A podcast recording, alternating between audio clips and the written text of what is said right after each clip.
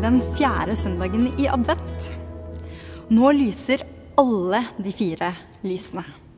De vi har tent for Han som elsker alt som lever, og som binder jord og himmel sammen. Advent er forberedelsestid.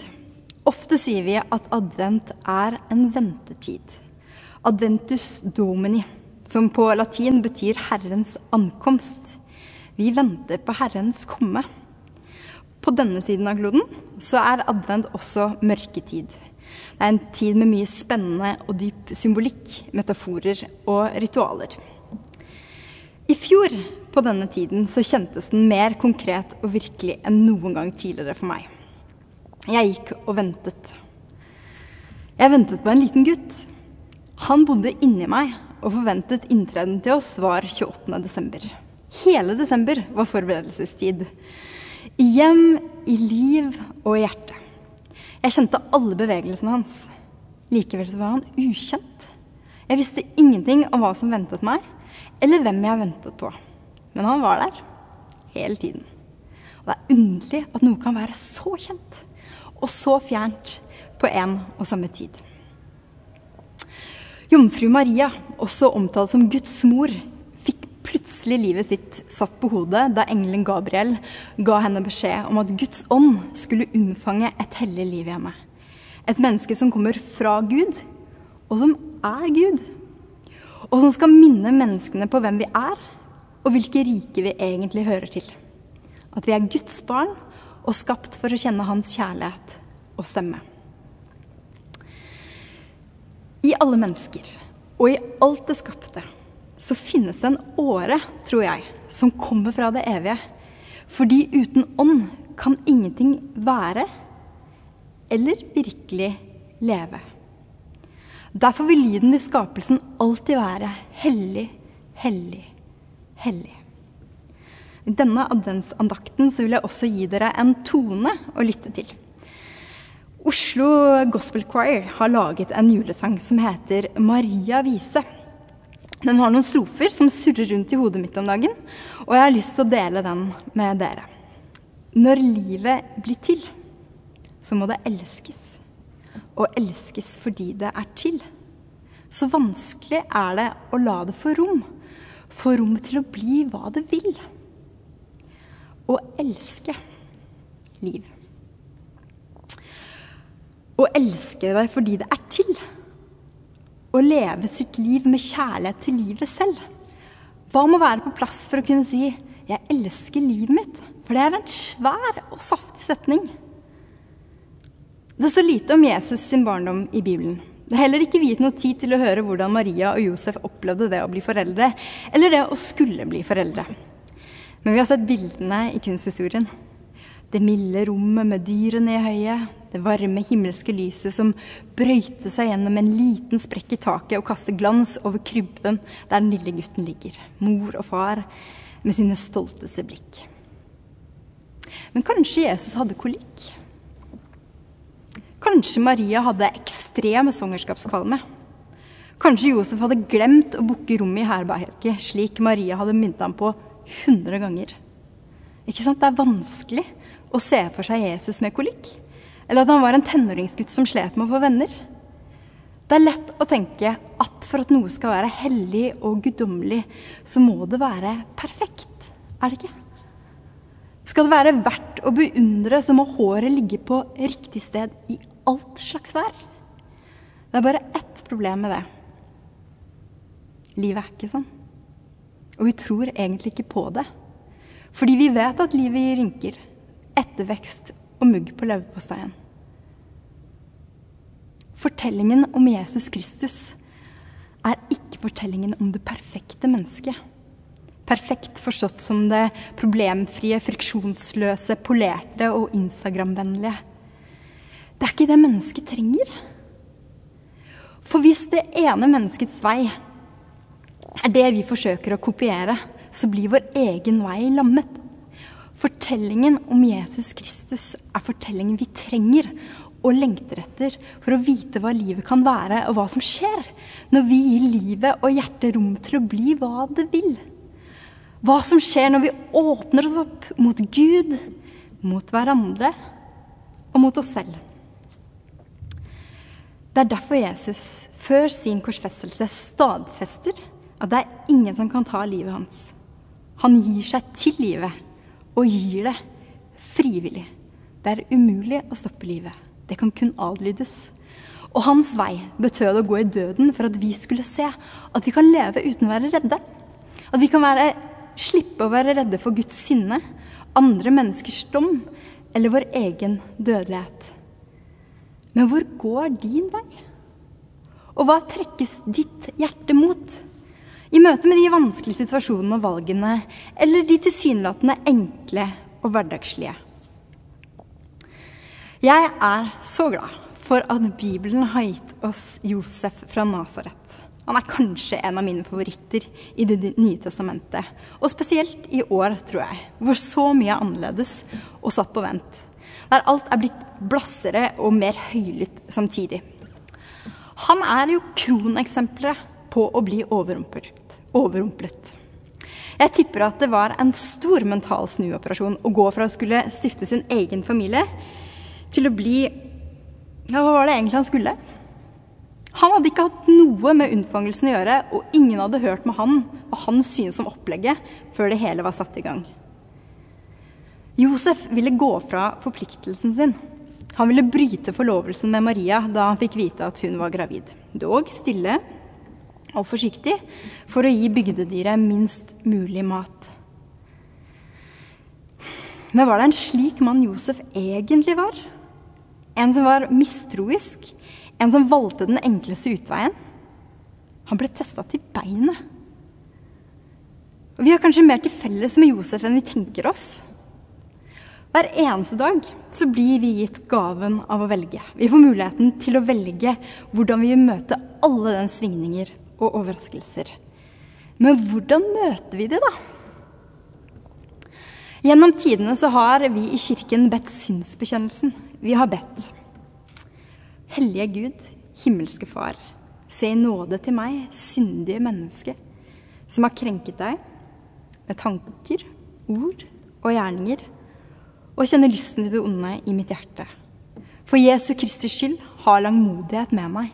Tilgi meg alle mine synder, og gi meg å frykte og elske deg alene. Amen.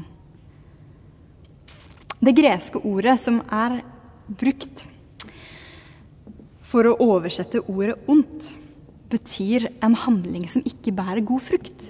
Handlinger som ikke tjener oss selv, andre eller Gud. Og de støter man eh, ofte på. Men ofte så kjenner jeg på noe viktigere. Jeg kjenner på lysten til det gode. Og det gjør du også. Men jeg stopper det. Jeg holder det igjen. Jeg finner en unnskyldning for å kunne slippe å vise meg selv frem. Og det gode som er i meg. Jeg tilpasser meg fremfor å lytte og leve. Og i Maria Vise så synges det Så vanskelig er det. Livet, altså. Og la det få rom. Få rom til å bli hva det vil. Hva hindrer oss i å gi livet rom? Hvilke stemmer skal jeg følge? Den som lokker med behag, eller den som snakker til livsalvoret og tilfredsheten? Når livet får rom til å bli hva det vil, så vender det seg alltid mot det gode og evige. Og ikke minst så visker det ut skillene vi har satt opp mellom oss. Jeg har en stor pose hjemme hos meg hvor jeg har samlet takkekort, bursdagskort, bryllupsinvitasjoner og begravelsesprogram fra de siste 15 årene. Og her om dagen så tok jeg og gikk gjennom denne minnerike posen. Så på hvert eneste kort, så på navnet til menneskene som har preget livet mitt, ble varm av de gode ordene, gråt over venner som ikke er her lenger, og så tenkte jeg på meg selv at jeg trengte å lese disse kortene nå. Kanskje spesielt i dette rare året, da så mye har blitt satt på prøve for oss alle. For de minte meg på noe så enkelt som at jeg er en klemmer. Det hadde jeg glemt. Jeg kan telle antall klemmer jeg har fått og gitt siden mars, hvis du tar vekk fra mann og barn. Og vi kan så innmari lett glemme viktigere og mer eksistensielle egenskaper ved oss selv enn det. Vi har livet vårt rett fremfor oss hele tiden. Og likevel så kan det ha gjemt seg for oss. Det er som å gå svanger, men der vi har glemt hva vi bærer på. Og jeg har lyst til å utfordre oss i denne forberedelsestiden. Til å stille oss selv de ærlige spørsmålene om hva som skal få plass i tankene og hjertet vårt. Hvilke nag er det vi må gi slipp på for at det skal være rom for lyset til å slippe inn, og sånn at det kan få ta plass? Hva nærer hjertet og samhørigheten med de rundt oss? Ta Gi deg selv muligheten til å rydde unna litt, og se etter om dagene er fylt med det du egentlig vil fylle livet ditt med. For ofte så ligger det flere muligheter der enn det vi ser når vi bare lett berører overflaten. For evangelium er dette. At Gud lar sitt lys skinne på livet vårt, slik at det blir lettere å leve det. Fordi å puste er ikke å leve. Å leve er å elske. Å elske er å leve. Det er ingen enkel oppgave. Det krever hele oss. Jesus tok ingen snarveier. Han tok konsekvensen av å være tro mot den hvem han var skapt til å være. Hatt vitnet om det evige og hellige. Det kan aldri dø. Og derfor lever Kristus, og derfor lever vi. Og derfor kan vi elske. Fordi Gud er kjærlighet, og Hans ånd er det som gjør oss levende. Sønnen vår, Alfred, kom ikke som et moderne Jesusbarn 24.12. Han kom heller ikke på termindato, heller ikke noe nyttårsbarn. Han kom godt inn på nyåret. 8. januar, for å være eksakt. Vi sier ofte at vi er dårlige på å vente. Men innimellom så tror jeg at vi er overraskende gode på å vente. Vi liker å utsette. Vi liker å skyve ting foran oss så lenge vi kan. Vi har alltid i morgen til å gjøre endringene, til å velge en mer krevende rute. Jeg ble overraskende lite utålmodig der jeg satt, ja. som en hoven rugekasse. Har jeg lyst til å føde i dag? Nei, egentlig ikke. Kanskje i morgen? Nei, jeg tror egentlig ikke jeg har så lyst til det i morgen heller. Paradokset er jo dette. Det hadde ingenting å si hva jeg ville eller ikke ville. Fordi livet lever, og det vil utfolde seg. Men skal vi prøve å følge med og gå sammen med det, ikke stritte imot når det tar oss en vei vi ikke hadde tenkt oss. Foreldre over hele verden gjør noe rart hver eneste dag. Og det skjer helt automatisk. Ikke lenge etter at man har fått barnet til å sove. Uansett hvor strevsomt og landtekkelig det har vært, så kommer vi tuslende bortover gangen og titter inn på soverommet. Vi sier ingenting. Vi bare samler all konsentrasjonen inn på dette ene hører jeg pusten. Alt handler om det. Er det liv? I møte med et ferskt, lite liv er det enkelt, fordi man ser hvor stort det er at noe er levende. For når livet blir til, så må det elskes. Og det må elskes fordi det er til. Det er sant uansett alder eller hvordan livet farer med oss akkurat nå. Dagen i dag det er ikke en transportetappe mot en viktigere dag. De nye begynnelsene skjer nå. Livet skjer nå. Og vi må huske å lytte etter vår egen pust. Og lytte etter og lytte til vår ånd. Og elske at vi er til. Glede oss over at vi får være et av Guds mange ansikter her i verden. At vi kan skinne Guds lys. Vi er skapt for å skinne, og vi trenger hverandres gnist. Jeg vil avslutte med noen ord som Zakaria så vakkert profeterte etter at hans sønn Johannes ble født. Du finner det i Lukas 1, vers 76. Slik skal lyset fra det høye gjeste oss som en soloppgang og skinne for dem som bor i mørket og dødens skygge, og lede våre føtter inn på fredens vei. Jeg vil ønske deg en god adventstid nå på tampen. Og min bønn er at akkurat nå som året er på sitt aller mørkeste, så vil lyset fra det høye komme som en slags ryddehjelp og minne deg på hvem du er, hvem du er skapt til å være, og gi deg en bamseklem som merker deg med varmen og den endeløse kjærligheten Gud har til deg. Om to dager så snur sola, og dagene blir lysere. Må det være en oppmuntring inn i høytiden. Og så håper jeg at det gir deg livsmot til alle dagene som kommer.